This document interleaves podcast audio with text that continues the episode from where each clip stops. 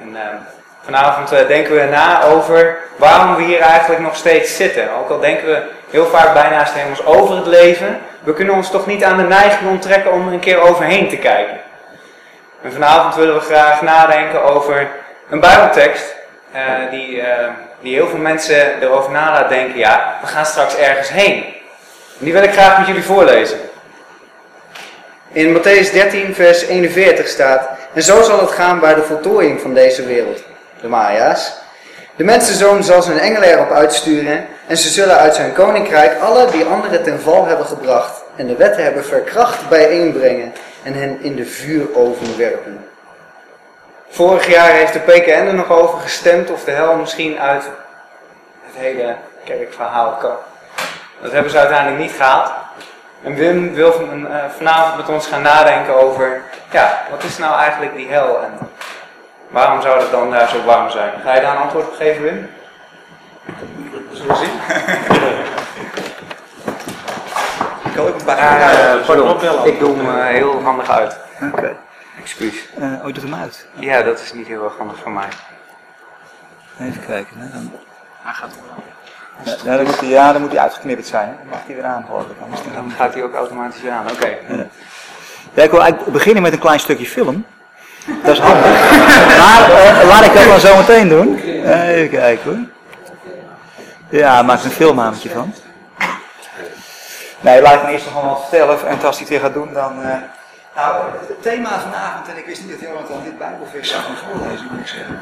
Uh, het, het, thema vanavond is eigenlijk hemel, hel, je, hoe kun je daar tegenaan kijken. En uh, ja, voor mij is het een heel zoektocht geweest, moet ik zeggen. Ik ben hier al denk ik wel een jaar of twintig op aan het studeren. Op dit onderwerp, omdat ik er zelf in mijn geloof een stuk gelopen ben. Ik weet nog, ik, ik was een jaar of 16 toen werd ik gelovig. En uh, ik wilde direct weten wat ik ongeveer geloofde. Dus een paar jaar later ging ik theologie studeren.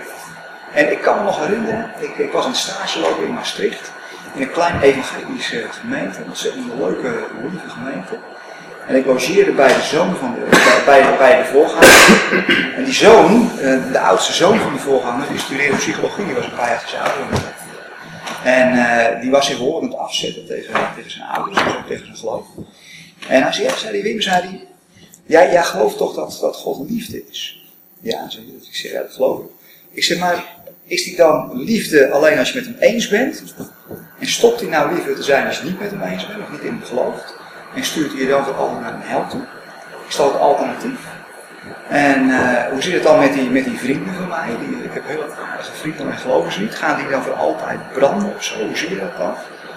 En dan moet ik zeggen, ik, ik had... Uh, ik zat toen in het eerste jaar en ik had alles keurnetjes geleerd. En toen had ik inderdaad wel geleerd. En ik kon het op dat moment niet anders zien. En ik kwam helemaal in mijn krant terecht. Dus uh, ik met hem praten en ik probeerde hem ergens van te overtuigen. Waar ik zelf steeds minder van overtuigd was. En dat zit mij wel in een denkspoor. Ja, maar kan dat wel zo zijn? En, en, leert de Bijbel dat nu echt? Nou, dit was het, uh, pauzenummer. Maar, maar van daaruit ben ik er wel heel serieus over gaan denken. Uh, een aantal jaren later uh, stierf mijn moeder. En die geloofde in. Uh, voor haar had de Bijbel ongeveer dezelfde waarde als de rebellen, zeg maar. Dat is niet denigrerend bedoeld, maar zo was het gewoon. En ik weet nog dat ik achter een nemsteentje stond. Ik werkte toen bij de Nearest Ministry. En toen kwam er een jonge man langs. en uh, vervelend, hij moeder is gestorven. En, wat bleek, zijn moeder is ook gestorven.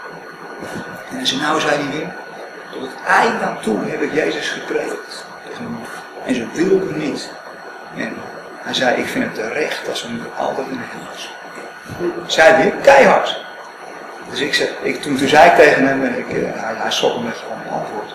Ik moet luisteren, als dat zo zou zijn, dan zou ik vandaag nog een oppositiebeweging beginnen. Tegen God. En dan ben ik liever bij mijn moeder in de hel, dan bij al die lieve christenen. Zover was ik toen inmiddels. Dus ja, hoe, hoe is dat nou zo ver gekomen? Uh, oh ja, uh, we beginnen als introductie een beetje. Dit, dit onderwerp, hemel, hel, komt, komt, zo langs, komt regelmatig weer op de agenda. Uh, vorig jaar nog, was het vorig jaar? Twee jaar geleden inmiddels. nog met een, een, nieuw boek van Rob Bell. Rob Bell, een, een voorganger van een mega evangelische kerk eh, met duizenden en duizenden leden. En eh, die kwam plotseling met, met dit filmpje.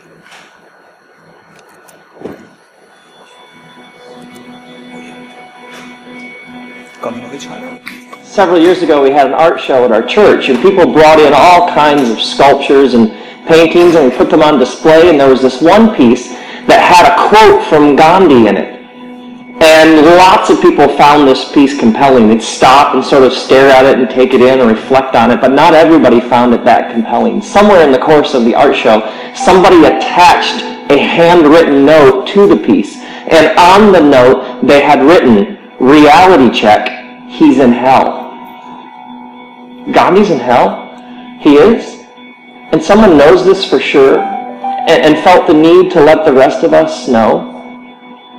Will only a few select people make it to heaven? And will billions and billions of people burn forever in hell? And if that's the case, how do you become one of the few?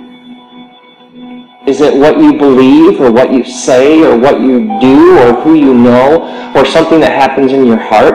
Or do you need to be initiated or baptized or take a class or converted or being born again? How does one become one of these few? And then there is the question behind the questions. The real question, what is God like? Because millions and millions of people were taught that the primary message, the center of the gospel of Jesus, is that God is going to send you to hell unless you believe in Jesus. And so what gets subtly sort of caught and taught is that Jesus rescues you from God. But what kind of God is that, that we would need to be rescued from this God? How could that God ever be good? How could that God ever be trusted? And how could that ever be good news? This is why lots of people want nothing to do with the Christian faith. They see it as an endless list of absurdities and inconsistencies, and they say, why would I ever want to be a part of that? See, what we believe about heaven and hell is incredibly important because it exposes what we believe about who God is and what God is like what you discover in the Bible is so surprising, unexpected, and beautiful that whatever we've been told or taught, the good news is actually better than that, better than we could ever imagine. The good news is that love wins.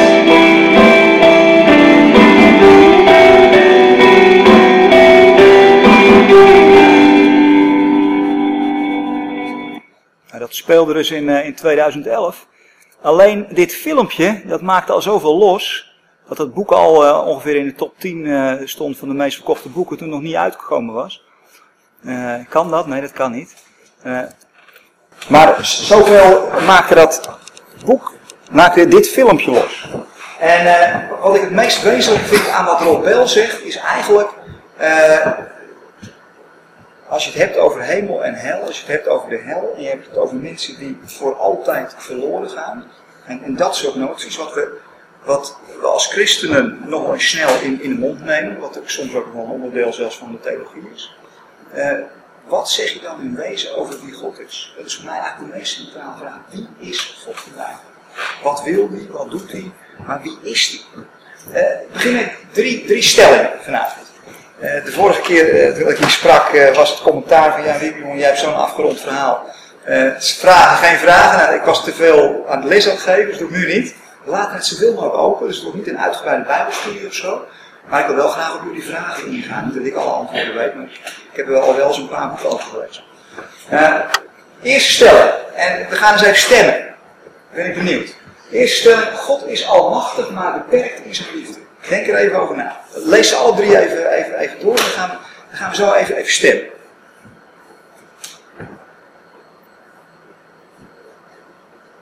Het zijn hele gemene stellingen eigenlijk. Stellingen zijn gebieden.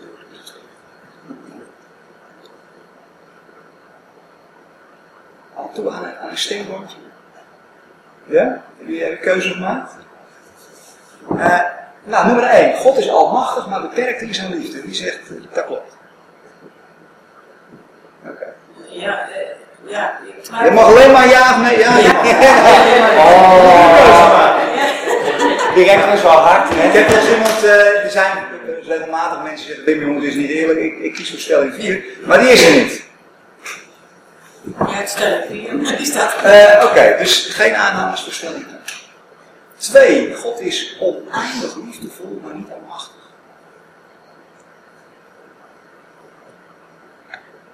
Ja, dat wordt een hele makkelijke. Ja? Ja? Oké.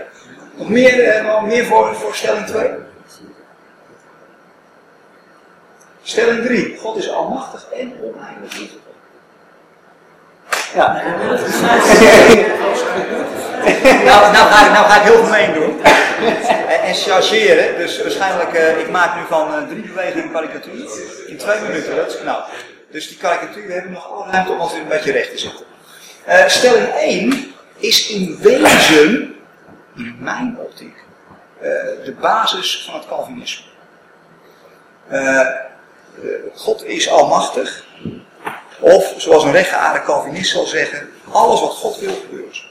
Of zoals John Piper ooit zei, een, een bekende, wat evangelisch aandoende Calvinist, een Amerikaanse Calvinist, die ook in Nederland populair is, die zei, dachten jullie nou evangelisch werkelijk? Dat als God werkelijk iedereen zou willen behouden, dat hij dan niet zou doen? Ik citeer John Piper. Maar hij heeft nooit de intentie gehad om iedereen te doen. Nou, wel heel eerlijk wat hij daar schrijft, maar dat is in, wezen Calvinisme. Eh, Calvijn, die eh, in zijn eh, institutie, daar gaat hij niet zo uitgebreid op in, maar Calvijn dacht dat ongeveer 2% van de mensheid door God was uitgekozen om naar de hemel te gaan, en 98% is uitgekozen om naar de hel te gaan. En hoe heeft men, hij heeft natuurlijk in het Calvinisme, ik, ik chargeer, dat begrijp je. Hè? Een, een echte Calvinist zou onmiddellijk nu 20 vragen aan mij stellen. Minstens. Maar ik probeer door te dringen tot de kern. En daar gaat het mij voor. Eh, ja, zegt men dan, God heeft wel een algemene liefde voor iedereen, maar dat is geen behoudende liefde. Hij heeft een heilige liefde voor zijn uitverkoren. Dat is een behoudende liefde. Het maakt niet uit of je nou hard loopt, of je zacht loopt, of je nou wil of niet. God kan de hardste harten week maken, en dat zal je ook doen. Maar hij is beperkt in zijn liefde. Eh, tweede stelling. Eh, God is oneindig liefdevol, maar niet almachtig. Eh, ook hier kijk waarschijnlijk meer commentaar.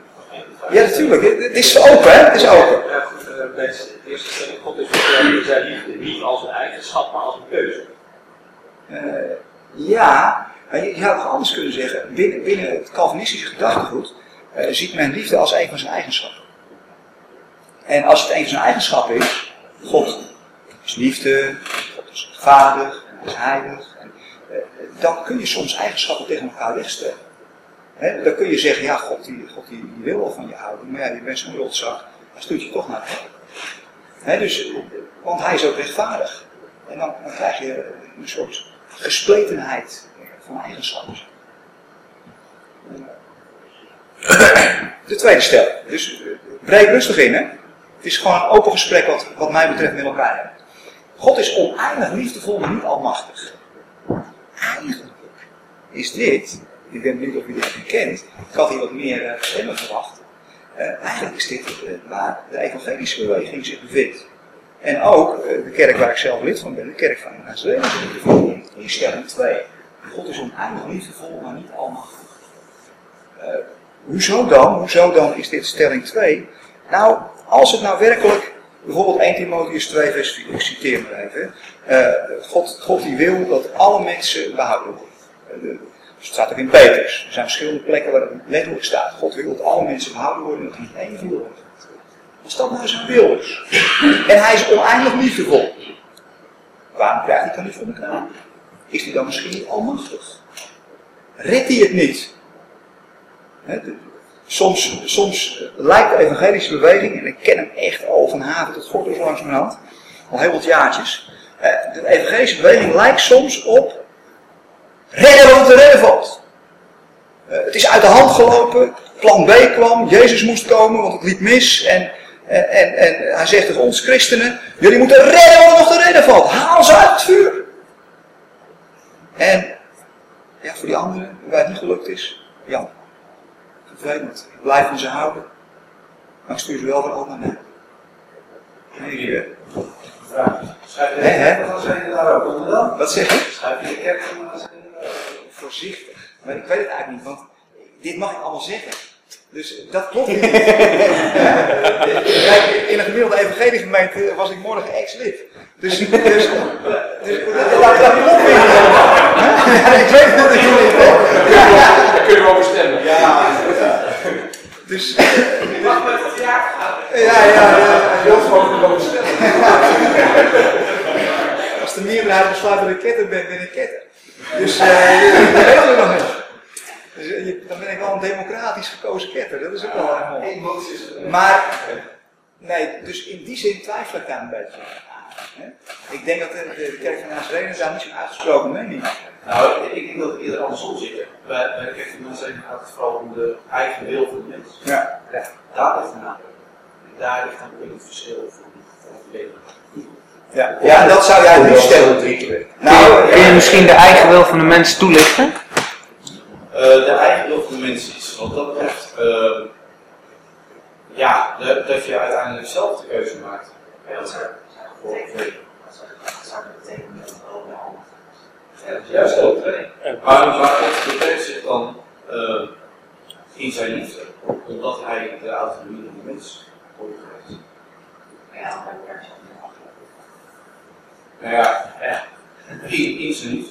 Dus ook in, in zijn almacht. Ja. Maar of je dat beperkt. Dus eh, de Nazarene heeft een vierde stelling. God is beperkt in zijn almacht en hij is beperkt in zijn liefde. Hij dat was de vierde. Ja, dat- dat is een beperking. Hij is niet beperkt, hij is beperkt. Oké.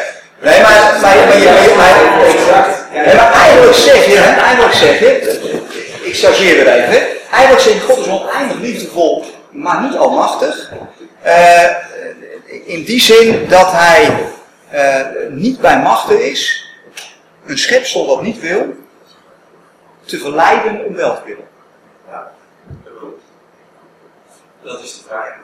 Die liefde God geeft. is dat God niet die de mens gemaakt heeft naar zijn evenbeeld. En dus daarin de mens een keuze laten. Keuzes te maken.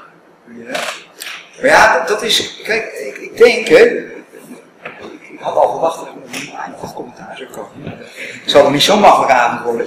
Eh, kijk, ik denk, je, je beeld van vrijheid en je beeld van, van eh, vrije wil is, is denk ik wel eh, wat gevormd door het verlichtingsdenken. En, en door een, een, een liberale opvatting van wat vrijheid is.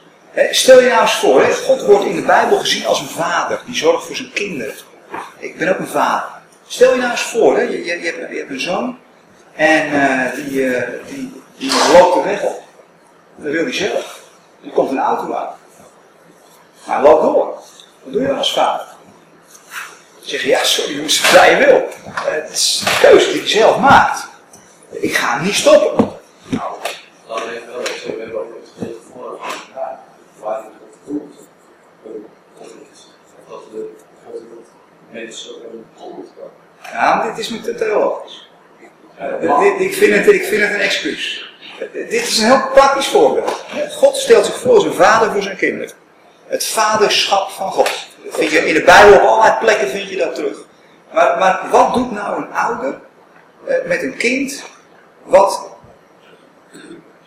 fout keuzes maakt? Als ze weten hoe het uit Dan zeg jij tegen je kind, joh, ga je gaan. Dat zeg je niet, dat dat. Nou, eh, ik, ik Nee, dit, dit voelde het wel. Ja, Maar ander soort voorbeelden met je hou ze meteen. Dat was groter dan Ja. Mag, mag ik wat vragen op die vraag? Tuurlijk, wel? Er staat in de Bijbel, God is die het wil en het werk in ons werkt. Er blijft voor ons toch geen keuze over. God legt ook de wil in ons. ja. Dus hoe moet je die tekst zien? Filippenzen 2. Ja. Ja. ja. Ja. Eh, hij is degene die het, die het willen en het werken in ons werkt. Ja. Je, kunt het ook vertalen met in ons uitwerkt. hè. Dus hij werkt uit wat, er bij ons al in zit. Eh, dus met andere woorden, je, je kiest een bepaald eh, pad en, en je zou bijna kunnen zeggen, God geeft je de kracht om het verder uit te voeren. Eh, dus, dus daar valt nog wel wat op af te dingen. Hè, maar goed, kijk, onze, onze vrijheid is nu beperkt. Eh, ik denk wel eens. Eh, ik, heb met, met Karel hier was een heel leuke discussie over gehad, want die zit ook helemaal op die punt. Eh, en, eh, ja, hè? Ja, ja, ja. En ik zeg, joh, maar is het misschien andersom? Zitten wij niet aan alle kanten vast op dit moment in een illusie? De Bijbel typeert deze tijd als een periode van kwaad. Als, een, als een boos tijdperk. Letterlijk een boze aion. Eh, nog gekker, eh, de Bijbel typeert deze tijd als dat we gevangen zitten in illusies. Dat we ver- verblind zijn in ons denken. En eh, juist als je tot geloof komt, zo lezen we dan, word je daaruit bevrijd. Met andere woorden, ik denk dat er behoorlijk al mensen rondlopen die wel het idee hebben dat ze vrij zijn, totaal vrij, maar dat helemaal niet zo zijn. Dus misschien is het zelfs wel zo dat, eh, dat echte vrijheid pas eh, daar ontstaat waar, waar een echte keuze mogelijk is. Stel je nou eens voor, stel je nou eens voor, je krijgt keuze. Eh, Laat, laat er nou eens van uitgaan dat de hel zoals de traditie leert echt waar is. Ik geloof het niet hoor, maar goed, daar gaan we zo nog even met elkaar over in gesprek. Maar stel je nou eens voor dat het echt waar zou zijn. En dan sta jij voor, voor, voor God of voor Jezus, hoe je het ook precies wil zien. En dan zegt hij tegen jou, voor je eens luisteren, Jan.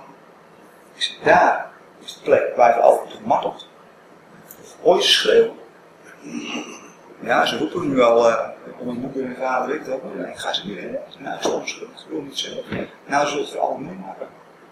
En we stoken het vuurtje nog een beetje. Dat, dat is aan de ene kant. En aan de andere kant zie je een prachtige situatie. Dat is fantastisch. Ja, dan denk ik. Over vrijheid. Welk weldenkend mens zou kiezen voor de foltering in plaats van een paradijselijke situatie? Ik denk als je aan de gemiddelde mens vraagt die nu zegt ik geloof niet en ik geloof er niks van en het is allemaal onzin. eh, dat als je dit zou voorleggen en ze als het waar zou zijn, ja natuurlijk. Alleen dat is het probleem, hij ziet niet dat het waar is. Dus eh, in, die zin, eh, yes. Maar nu stel je het met het traditionele beeld van de hel. Ja. En gewoon het traditionele beeld van de hemel. Ja. Dat zijn al twee beelden die al niet meer vandaag de dag eh, echt niet bij de tijd zijn. Dus waarom kom ik niet zo'n voorbeeld? Nou, ik kom er het Misschien kun je nog even herhalen. Ja. Oh, nou, de twee beelden van zowel hel als hemel zijn vandaag de dag niet echt meer, eh, ja, hoe zal ik het zeggen, up-to-date, laat ik het zo zeggen. Eh, zeker als je het hebt over eeuwig branden en martelen, dan is dat een heel traditioneel beeld. En als je het hebt over paradijs, uh, eeuwig op je wolkje met je harp spelen of zo, dat zijn hele oude beelden. Heel leuk, maar niet echt meer vandaag de dag. Wat is het vandaag de dag dan? Ik ga eeuwig naar de supermarkt of naar de Ikea. En, dan, en bij de andere kant altijd buiten? Of, eh? Wat? Wat is het vandaag de dag? Ja, weet ik veel. I don't care. Wat is het vandaag de dag? Nou, vandaag de dag zou ik zeggen dat, dat we in ieder geval kunnen beperken tot of in het bijzijn van God, of in afzondering van God. Eh, Ja. hoe maak ik dat concreet? Wat, wat, wat, wat voel ik dan? Wat, wat denk ik? Dat, word ik daar blij van? Word ik daar niet blij van? Waar word ik blij van? Als, als God niks voor mij betekent, dan, Als God niets voor jou betekent dan. dan vraag ik me af of dat, of dat zo heel erg. Ik weet niet zo goed wat ik daarmee moet. Ik heb meer met het traditionele beeld dan, denk ik. Ja, dat Maar ik weet niet of andere mensen daar ook zo over nadenken. Modern, dat moderne beeld maakt het mogelijk om blij te zijn. Dat gaat niet in mee. Nee? Dat je denkt, nou ja, maar kijk.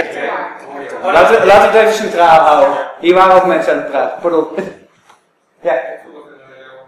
Oh, dit moderne beeld wat nu geschetst wordt, dan dacht ik opeens, dan zou het mogelijk worden om blij te zijn in de hel. Want als jij dus niets met God te maken wil hebben, er bestaat een plek waar je niets met hem te maken hoeft te hebben, dan zou je dus heel tevreden in de hel kunnen zitten. Nou ja. Dat hoor ik ook verschillende mensen Maar, zeggen. maar lieve mensen, als dat waar is, is er dus geen verschil tussen hem en hem. Nee, jawel. Nou ja, voor, voor de mensen die erin zitten niet, want hij, hij heeft daar prima naar zijn zin. Want Hier hoeft hij niks met God en daar ook niet. En hij maakt er niet los van. Er staat een leven zonder God. Ja, dat is een hele wezen. Ja. Er staat een leven, er staat een leven zonder God. Hey, ik heb ooit eens een, een jonge dame horen zeggen, dat was ook een keer een andere discussie hoor, ik was een keer bij een, van- bij een studentenvereniging, dat was erg interessant. En er was een, een meisje dat zei, ja maar de hel is een plek waar God niet is. Ik zei, ja maar hoe kan die plek van bestaan als dat niet is? Want hij is degene die leven en adem aan alles geeft. Er bestaat niet iets waar hij niet is. Dat is een veel te beperkt beeld van wie God is. Zonder, dat hij adem geeft, zijn we niks. Verschrompeld het stof. Dus eh, ik, ja, ook dat vind ik weer behoorlijk verlichtingsdenken, maar geen bijbelsdenken. In theorie kun je natuurlijk dat, kijk, in theorie kun je zeggen, ach die hel valt niet mee, daar doe je zo moeilijk over. Eh, nou, dan haal je dus, eh, dan haal je in zekere zin de angel eruit, prima, dat is een oplossing. Maar ik denk, als je kijkt naar het bijbels-Joodse denken, is dat geen oplossing, maar is, dan, is, dat, is dat een, een zijweg, waarin je eigenlijk om het probleem heen loopt. In mijn optiek. Nou, vindt vuur dan dat het letterlijk is, of is het een metafoor? Vuur is denk ik een metafoor. Voor als, als woord? Eh, louter. Zuiver. Ja. Ja. Ja, dat is het voor mij ook. Maar dan wel iets definitiefs. Dus, Ja, dan heeft het geen doel. Dan is het het einddoel. Dan is het niet een correctie, maar dan, dan, dan zie jij het als. als eh, dat, normaal, als ik mijn kind straf geef, ja, die zijn er wel groot, maar toen ze klein waren. En ik gaf ze een pak voor, ze, voor de pillen, dan was het de bedoeling dat het een correctie was, dat ze de volgende keer niet meer zouden doen. Dus dat er gewoon een, eh, een soort opbouwende fase in zat, totdat ze gewoon eh, zouden luisteren. Zeg maar. Misschien maar toen de jeugd zit hij toch niet. Mag ik nog wat aanvullen? Ik had een keer, Wordt opgenomen, hè? Even de duidelijkheid. ik, ik had een keer een discussie met, eh, met dokter Jan Hoek eh, op, het- op het Flevo-festival een paar jaar geleden. En op, toen hadden we het ook over dit soort onderwerpen. En toen hadden we het over de eindigheid van de hel. Jij zegt het vuur dat is, dat voor altijd. En toen gaf ik hem als, als, vraag, van joh, stel voor een jongen van 17 jaar. Ik hou van concreet, want weet je, als we theorie, en het gaat niet om mensen, het gaat, het gaat niet om theoretische wezens, het gaat om mensen zoals jij en ik. Eh, stel je nou eens voor een jongen van, van 17 jaar, die, die geloofde niet, hij was echt anti, krijgt een hem, dood. Zit in de hel.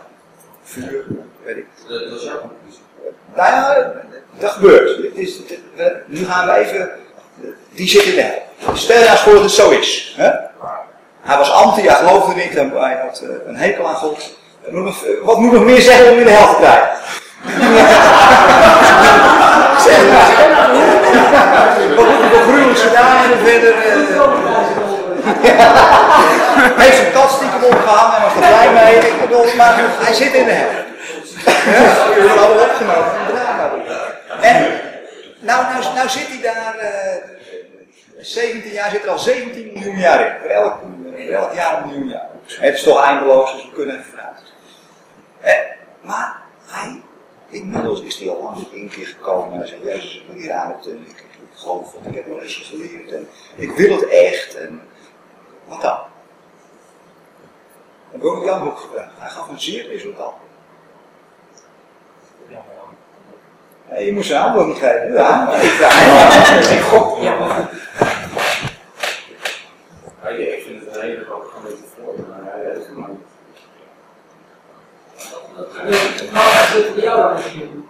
Sorry? Dat is voor jouw theorie. Ja, ik, ik kan het niet voorspellen, want ik ben God niet. Nee, nee, Nee, maar, maar is, er, is er bij jou een mogelijkheid dat hij zich, zich alsnog tot inkeer komt? Ik denk dat hij mag. Precies. Nou, dan ga je een belangrijke stap verder. Dus God Ja, dat zegt ook. Ik heb liever vrijheid. Maar ik heb ook nooit gewild dat het niet zo is, Ja. maar ik bedoel. eh, Ja, maar je zegt net, het vuur is voor altijd. Nee, Dat zeg, klinkt definitief. Het, het vuur is definitief. Ja. Niet voor altijd. Wat bedoel je daar dan bij sporen? Wat is het verschil? Het verschil is dat. eh, even kijken, het, het is nog steeds een eindig iets. Het is niet zozeer iets wat eeuwig duurt, zo, maar voor als een persoon.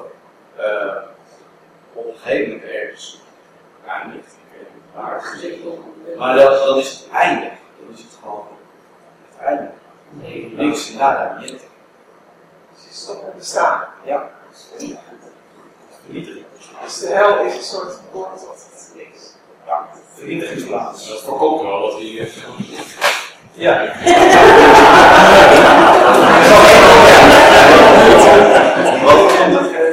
Ik zeg dat voorkomt wel dat dit tot inkeer komt. Ja, kijk, ik weet niet exact wat er gebeurt eh, wanneer iemand doodgaat en wanneer die uiteindelijk voor Jezus komt of Maar, dat- maar dat is op dit moment ook in, in, evangelische beweging ook een, soort alternatieve weg. Hè? Eh, John Stott is daarmee begonnen in Engeland, die zul je dan vast kennen. Die, eh, die, hij die leert dit ook, hè? de vernietiging. Eh, een beetje als alternatief, hemel, hel, nee, hemel en vernietiging.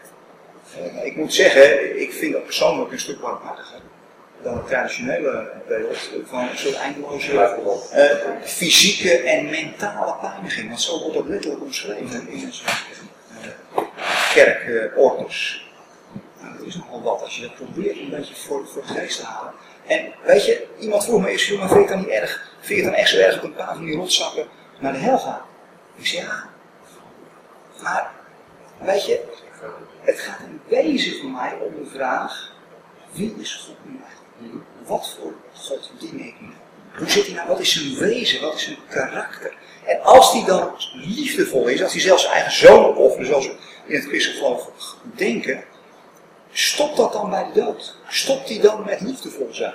En verandert hij dan plotseling van karakter? Was hij eerst liefdevol, maar nu ben je overleden en nu plotseling is hij wraakgierig en gaat hij eindeloos straffen en gaat hij, eh, gooit hij zijn vuur op je, gaat hij je vernietigen? Is, is God dan plotseling van karakter veranderd? Ik vind dat niet erg betrouwbaar. Het geeft me niet erg veel rust. Sorry dat ik. Nou, jij hebt er ook eens over nagedacht, Ik heb er zeker over nagedacht. Ja. Ehm, maar ik, ik denk niet dat God ehm, daarin opeens verandert van karakter. Ik denk eerder dat hij gewoon loslaat. Omdat hij een keuze maakt om God niet willen volgen. Ja, maar dat vind ik ook uh, de. Dat vind ik niet veranderen. Ik vind als je. Weet je, de. Het verhaal gaat uiteindelijk dat de zoon terugkomt. Maar wat als die zoon nou niet terugkomt? Ik vind dat het allemaal heel erg speculeren. Ja, ja, eens. Er is nooit iemand die teruggekomen die heeft gezegd hoe ik. Dus we roepen allemaal wat en we zeggen allemaal wat. Ja. Maar is er iemand in de zaal die kan zeggen, "Oeh, ik kan jou vertellen, ik geloof wel. Ik heb een gehad dat ik niet geloofde. Die voor mijn ouders in de puberteit. Ik heb een heel ernstig alcoholongeluk gehad. Ik kon niet zien, ik ben helemaal niks. Ik ben dus omhoog, maar ik voelde wel kracht. Ik dacht, er staat wel een God. Maar ik denk dat mensen die gewoon heel slecht leven, dat denk ik jongens, jullie leven nog los. Maar iemand die heel goed geleefd heeft, die krijgt dan de op school. Ik wel eens denk, goh, de kinderen die verband zijn van dan, die hebben heel iets het gezicht gehad. Ik heb zes operaties aan mijn gezicht gehad. Dus ik, ik, weet wat het leven is.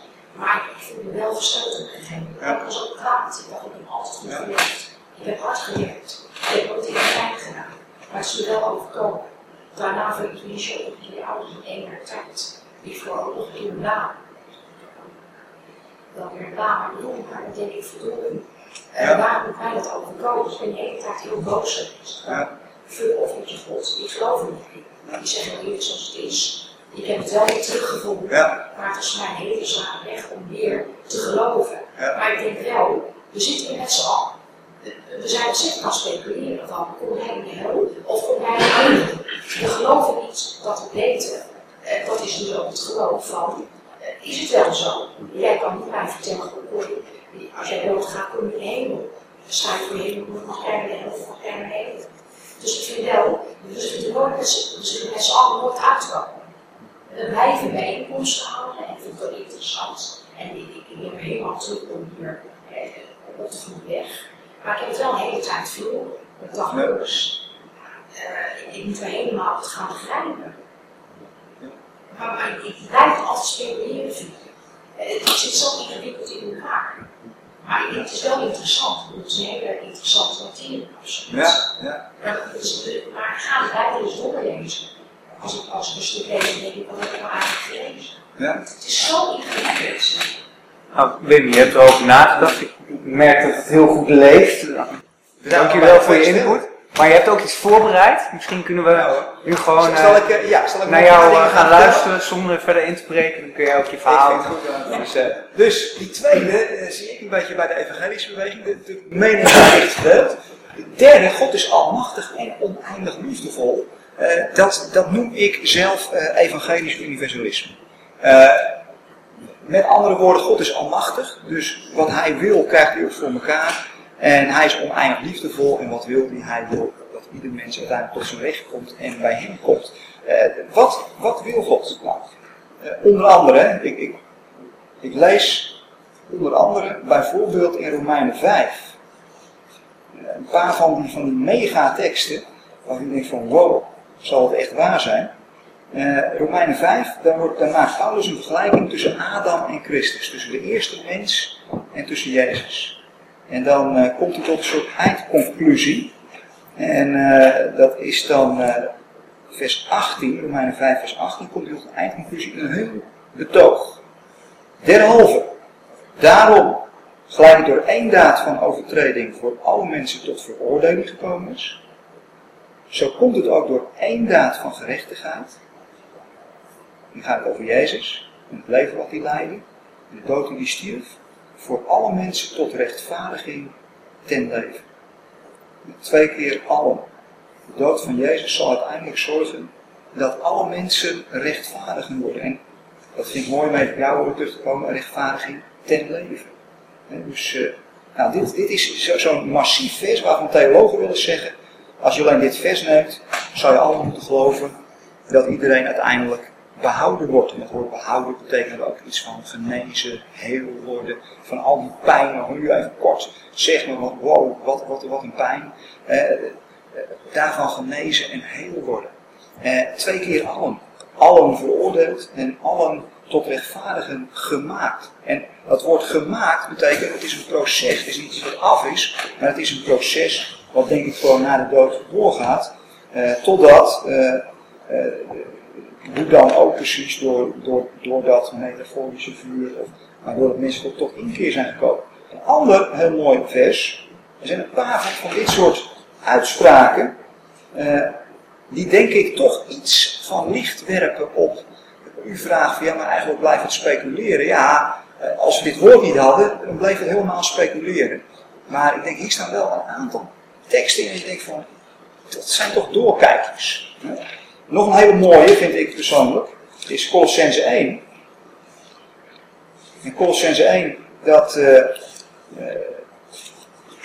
daar staat ook weer over Jezus. Eh, hij, Jezus, is het beeld van de onzichtbare God, de eerstgeborene van de ganse schepping. Want in hem zijn alle dingen geschapen die in de hemelen en die op de aarde zijn. De zichtbare en de onzichtbare. Het zijn tronen, het zijn heerschappijen, het zijn overheden, het zijn machten. Alle dingen zijn door hem en tot hem geschapen. Eh, dit, dit bedoel ik een beetje met die, die omweg die je kunt maken door te zeggen, ja, maar eh, die, er is een plek waar God niet is. Ik van ja, Amdullah, het is allemaal door hem, in hem en tot hem geschapen. Er is niets zonder hem. Dat kan niet. En daar is het er namelijk niet. Eh, Lees ik hier. En hij is voor alles en alle dingen hebben hun bestaan in hem. Oftewel, deze hele schepping bevindt zich kosmisch gezien, ik snap er niks van, man, in Christus. Deze hele schepping is al in Christus. Alleen het grote probleem is dat we het niet zien. Eh, en hij is het hoofd van het lichaam, de gemeente. Hij is het begin, de eerstgeboren uit de doden, zodat hij alles de eerstgeboren is. Want, dat is een wonderlijk vers, het heeft de, ganse volheid behaagd in hem woning te maken. En door hem vrede gemaakt hebbende, door het bloed van zijn kruis, alle dingen opnieuw met zich te verzoenen. Opnieuw. Door hem. Het zij het op de aarde, het zij het in de hemel is. Dus, dus hier ook weer zie je dat ongelooflijk inclusieve, eh, dat, dat zie ik bij de Heer. God is almachtig, alle dingen bestaan in hem. En hij is van plan en zal het ook doen, eh, want hij is oneindig liefdevol, al die dingen met zichzelf verzoenen. Nog eentje. En dan mag je weer reageren hoor. Ik wil nog even zeggen hoe ik dan tegen oordeel aankijk, want ik, geloof wel degelijk in oordeel. Alleen, alleen het probleem met het woord hel is. eh, kijk, hel, als ik letterlijk ga zeggen wat hel is, is dat heel raars. Mijn, mijn handen bevindt zich nu in de hel. Is in de hel. Hij is eruit. Eh, hel is een oud Nederlands woord, wat eh, in, in de Statenvertaling in, in, in de Bijbel is gekomen. En hel betekent gewoon letterlijk eh, onzichtbaar. Uh, unseen, dat is hel. Eh, dus in, in, het Oude Testament is dat het woord Sheol, betekent letterlijk het onzichtbare. En eh, daarom in nieuwere vertalingen komt de hel ook steeds minder voor. Hoezo dan? Nou, omdat wij bij onzichtbaar niet meer aan hel denken. In, bij hel denken we inmiddels aan iets heel anders. Dus daarom is het ook niet eerlijk als je daar hel vertaalt. Er zijn zelfs Bijbelvertalingen waar hel helemaal niet meer voorkomt. Het, het woord hel met de hele, de hele achtergrond, vooral in de middeleeuwen gevormd, met eeuwige folterkamers en weet ik het allemaal niet. Dat, dat, dat beeld kom je in de Bijbel helemaal niet tegen. Ik heb wel eens gezegd ergens, de hel is een christelijke uitvinding. Eh, want als je het hebt over oordeel, dat kom je wel tegen in de Bijbel. En komt, je hebt wel een soort hel in de Bijbel, als Gehenna. Dat komt er nog eens dichtstbij. Maar Gehenna is gewoon een letterlijke plek. Dal van hemel. En als je nu naar het dal van hemel gaat, dan is dat een ontzettend leuk, vriendelijk dal met bomen en een grasveldje. Een, beetje ten oosten van Jeruzalem. Nou, uh, je kunt er nog even picknicken, denk ik, binnenkort. Uh, hartstikke leuk. Uh, barbecuen kun je er ook. misschien worden je worstjes daar iets eerder bruin. Ah, hou, Wim, hou op, Wim, dat slaat, je slaat nu Maar, dat is gewoon een, een, plek. Ik maak even mijn verhaal, vind je het goed? En, en, dan mag je weer zoveel reageren als je wil. Oké. Maar Gehenna is dus dal van hemel. Dat is de letterlijke betekenis. Uh, nou, en dan heb je ook uh, het, woord Hades. Dat betekent weer dat onzichtbare. He, dus, maar er is wel oordeel. Maar het mooie in de Bijbel aan oordeel is... Er is altijd een grens aan het oordeel. Uh, je vindt zelfs bij Sodom en Gomorra, wat wel een beetje toonbeeld van kwaad is. In, in, in Judas wordt gezegd, Sodom en Gomorra die liggen onder, onder, onder eeuwig vuur. Letterlijk staat het in Judas. Judas heeft maar één hoofdstuk trouwens. Uh, maar als je dan Ezekiel 16 leest, dan gaat het ook over Sodom en Gomorra. En dan gaat het aan het einde van het hoofdstuk over het herstel van Sodom en Gomorra. En dus er is dus kennelijk een, altijd een grens aan oordeel. Er zijn trouwens tientallen versen waar, waar je dat kunt lezen. Een grens aan oordeel. Of klaagliederen waar bijvoorbeeld staat, klaagliederen in het midden van klaagliederen, als Israël onder het oordeel van God ligt. Dan staat er, een, ogenblik duurt zijn toren, maar een leven lang zijn welbehagen. Dus, dus, dus kennelijk is die toren begrensd. En nog gekker, de toren heeft uiteindelijk een doel.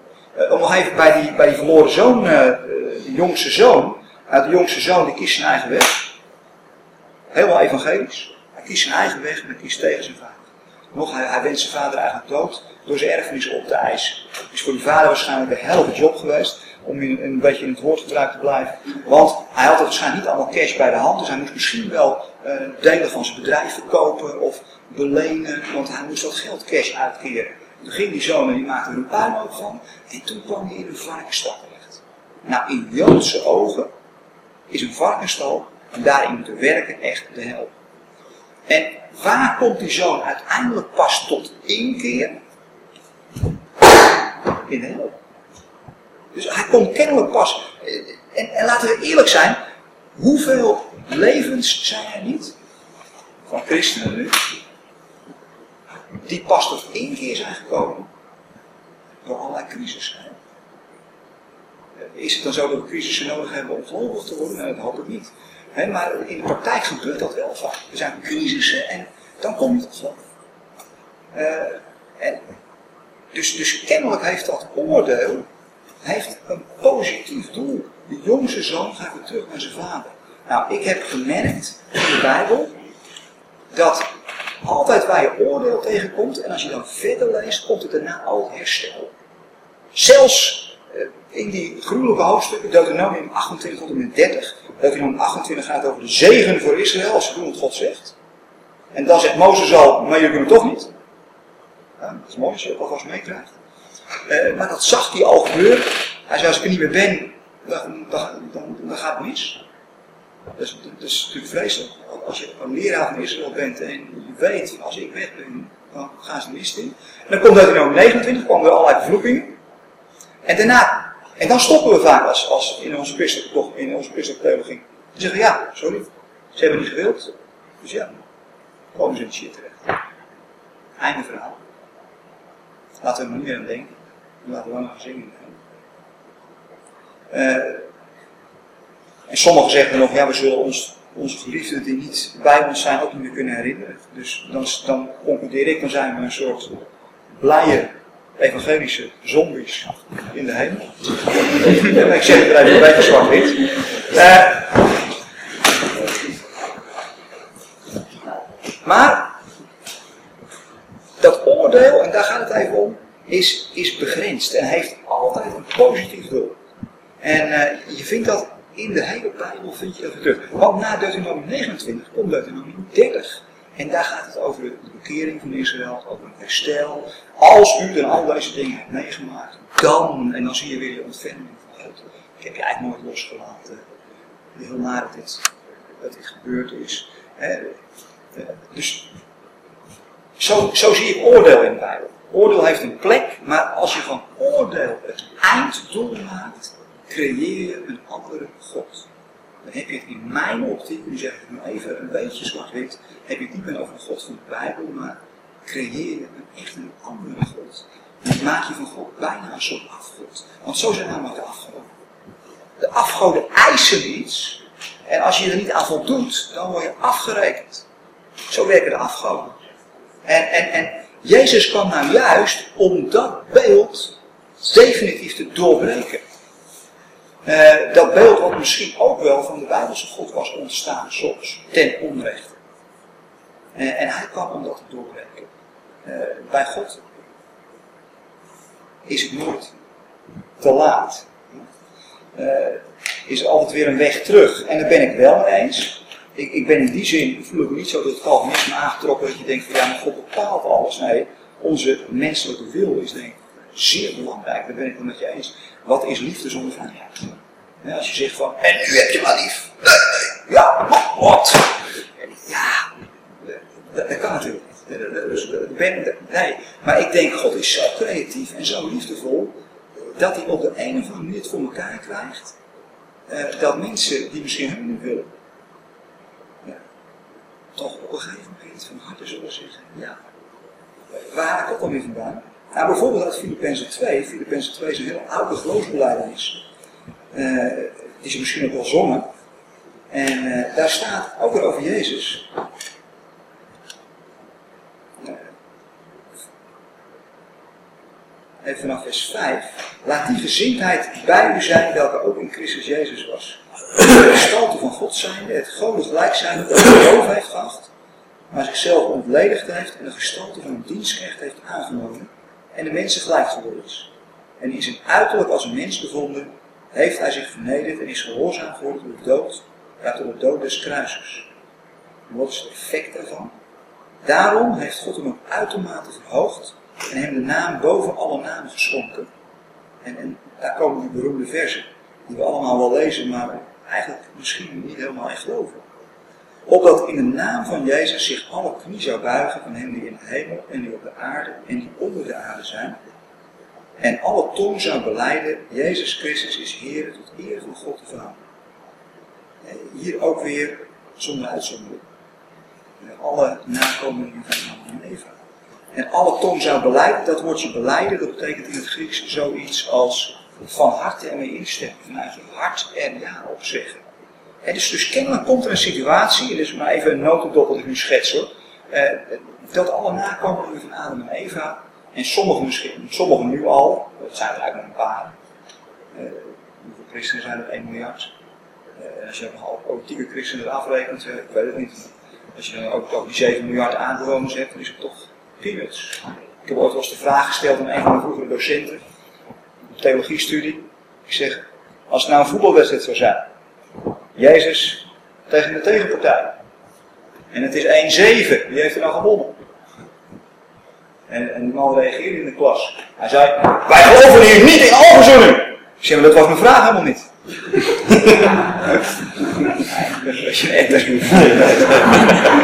dus ik vroeg alleen wie gewonnen heeft als het 1-7 is. Ja, nee, ik heb nooit op die vraag. Later, veel later, toen gaf hij al lang geen les meer. Toen heeft hij later een boek geschreven en daar gaf hij wel een antwoord. Toen bleek het toch met me eens te zijn. Dat is apart. Soms mensen Nou, kunnen... nadenken dan, hè? Hè? Heeft hij na moeten nadenken? Ja. ja. Maar dat was ook nog postuum. hè, Dus, Hij is dood. ja. Ja, dat weet ik niet. Ja, hij, kijk, hij, hij weet het. Hij weet het. Hij weet het nu zeker. En dat Ja. zeggen jullie, ja. Ja. ja. Maar ja, dit is in een notendop hoe ik er tegenaan kijk. En dat vind ik die derde stelling. Hij is almachtig. In die zin dat dat wat hij zich heeft voorgenomen, in de versie die we gelezen hebben, dat ook zal lukken. Eh, en hij is oneindig liefdevol in die zin dat hij niemand iets zal afdwingen van nou moet je. Eh, nee, natuurlijk niet. Eh, hè? Maar hoe zit het dan met ongeloof? In, in de Bijbel wordt ongeloof soms ook een zonde gekenmerkt. Heel apart. Eh, Je vindt een heel mooi vers. Dat is dat we nog even lezen. eh, Dan hebben we genoeg. eh, En dan zijn jullie weer aan het woord. En is het trouwens ook al 9 uur. Dus voel je vrij om eh, te denken nou ik heb nu genoeg gehoord, ik, eh, ik vertrek. Maar als je nog even wil blijven zitten mag het ook. Eh, Hosea, in Hosea staat een prachtig vers over het ongeloof. Kijk, kijk, geloven of niet geloven, soms kun je daar iemand op keihard mee om de oren slaan.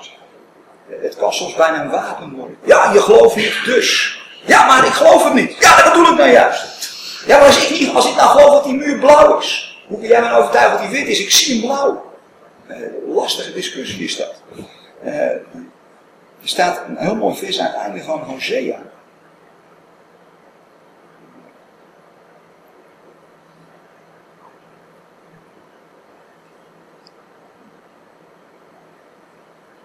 In Hosea 14.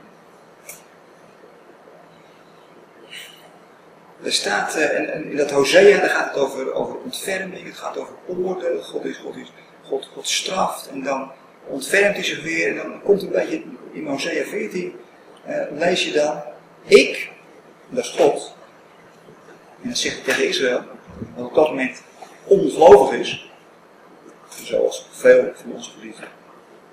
Ik zal hun afkerigheid genezen. En afkerigheid, als je het gaat opzoeken in het Hebreeuws, kun je dat vertalen met ongeloof. Ik zal hun ongeloof genezen. Dus ongeloof heeft soms geen discussie meer. Ik heb jarenlang gedacht, dat kan iedereen overtuigen. Ik ben een beetje arrogant. De oude wordt weer iets bedachtzaam. Ik kan niet iedereen overtuigen. Echt niet. Eh, eh, toen dacht ik, iedereen overtuigen, nog eens geloven. Het is een vrij simplistisch wereldbeeld. Sommigen zijn er nu blijven hangen. Ik zal hun afkerigheid en hun- ongeloof genezen. Ik zal hun vrijwillig liefhebben. Want mijn toren keert zich van hen af. Ik zal zijn als de dauw voor Israël. Hij zal bloeien als een lelie en zijn wortels uitstrekken als de vind dat is altijd het begin. Het einde is altijd een genezingsproces. En een vrijwillig liefhebben, een afkeren van toren. En die toren die uiteindelijk ergens toe leidt, maar die nooit een einde toe is. Dat is in, in een notendop hoe ik eh, tegen de hel aankijk. Nou, ik heb nog een korte studie gaan doen. Eh, zijn er nog reacties nog? eh, Zou ik drie vragen Hebben mensen vragen? Jij hebt een vraag. Ja, andere mensen? Dan pak ik er nu even drie uit. Nee?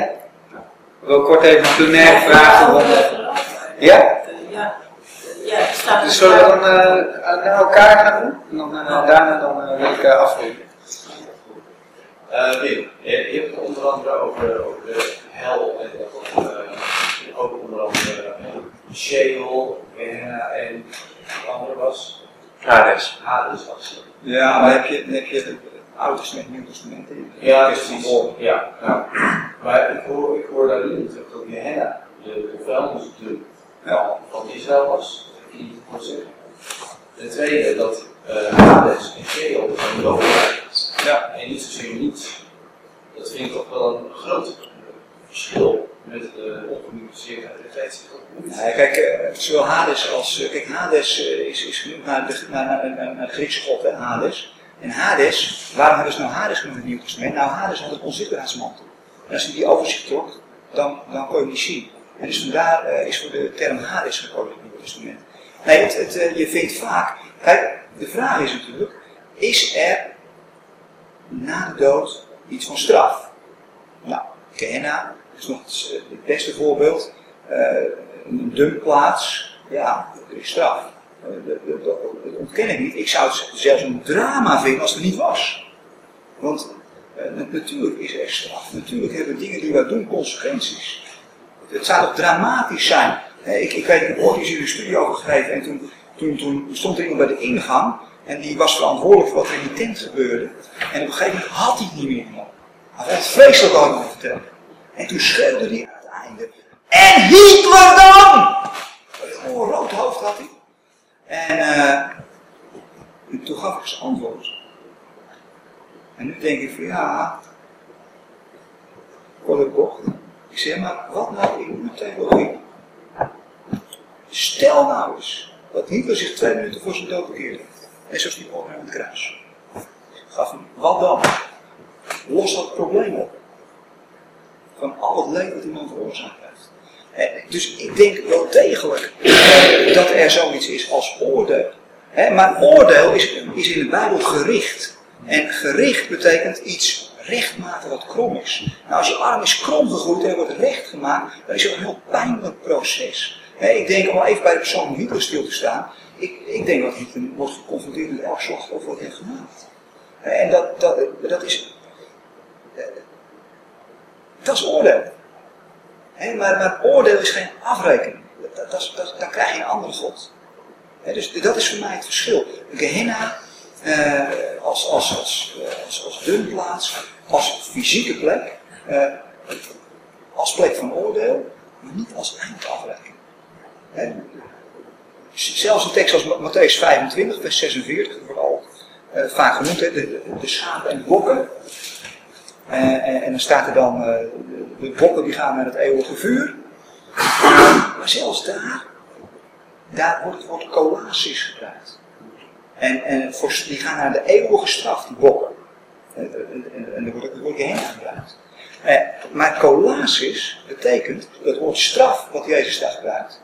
En die wist prima welk woord hij gebruikte. Want dat betekent namelijk in het Grieks, betekent dat snoeien. Het heeft een positieve lading in het Grieks. Dat betekent snoeien, snoeien. Eh, dus het wordt zo gesnoeid. En, en daar is dat vuur weer wat louterend werkt. Ja. Maar hoe zit het dan op met eh, het verhaal waarin. eh, Dat is eigenlijk vraag 2. Ja. Maar ja, wel langs de baas hoor. Dus, eh, sorry, sorry. Nee, ja, dat, eh, dat- Oké. Ja, ja, ik heb zoveel vragen. Dus eigenlijk, eh, ik heb zoveel vragen. Stel maar. Probeer het. Kies- Kies er één uit. De, de meest brandende vraag. Maar wat ik in mijn ogen eh, onrechtvaardig vind, en misschien zie ik het gewoon niet verkeerd.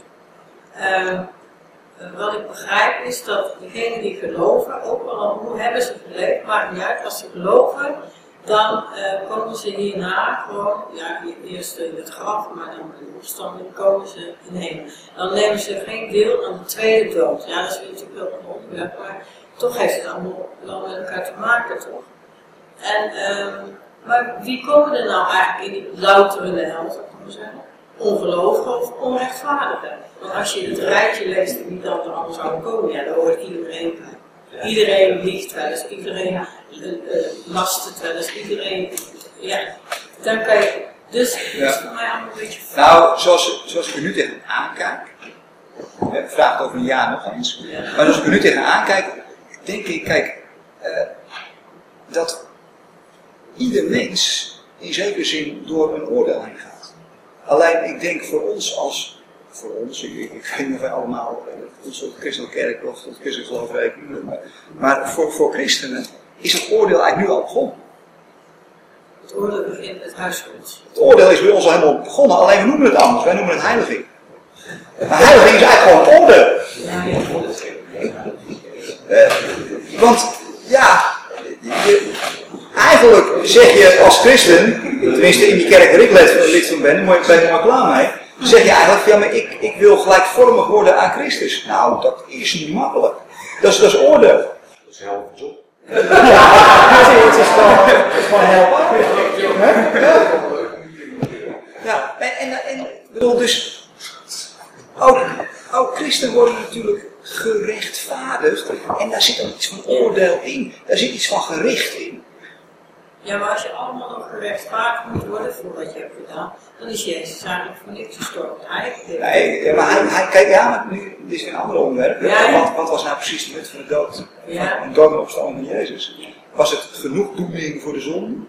En dan kom je in, een- in een soort plaatsvervangingsgedachte van Anselmus van Canterbury. Eh, een soort middeleeuws eh, denkbeeld. Maar goed, dit is een aparte avond, dat besef ik nou nu ik zeg. Eh, of, of was het toch weer net wat anders? Hè? Maar eh, dat is weer een apart onderwerp, denk ik. Hè? Nog een laatste prangende, brandende vraag dan. Vraag B. Ja, ja, nou ja, over die, die eerste dingen die dan, dan al wel, eh, zeg maar, of is dat niet zo, zie ik dat nog verkeerd, eh, eh, die dan niet in die hel komen, of ja, volgens jou komt iedereen door, dan mag ik niet ook bij de christenen doen. En gaat het bij de dood dan gewoon door, of, of, of ja. Nou ja, kijk, omdat in de Bijbel staat geloof is een gave van God. Dus ja, uiteindelijk eh, heb je er nog niet zo heel veel over te zeggen of je nu gelooft. Het is een gave. Je kunt zeggen, dan moet je voor openstaan, maar dan, dan is het weer geen genade, want dan is het weer, dan heb je toch zelf. Ja. Maar dan heb je er toch zelf weer wat aan gedaan. Genade is toch dat je er niks aan doet. Je kunt er niks aan doen. Nou, ik, ik denk, hè, laat ik eerlijk zijn, eh, er zijn altijd meer vragen dan dat je antwoorden kunt bedenken. Eh, en dat blijft. Wa- wat je ook precies gelooft, er blijven ook meer vragen dan antwoorden. Eh, waar ik zo langzamerhand achter ben, is dat eh, onze theologie, ook niet wat ik nu vanavond heb geteld, is geen kloppend systeem. Eh, en misschien moet je dat helemaal niet proberen. Ik denk, we hebben niet zoveel behoefte aan een kloppend systeem, maar wel aan een kloppend hart. En wat voor mij ontzettend wezenlijk is, is dat wat je gelooft, is dat een overeenstemming met wie God voor je is. En dan heb je het over het kloppend hart van God. En, en als dat te ver uit elkaar gaat lopen, eh, dan kunnen theorieën over God kunnen niet zich kapot maken. En dat kan een makkelijk doen zijn.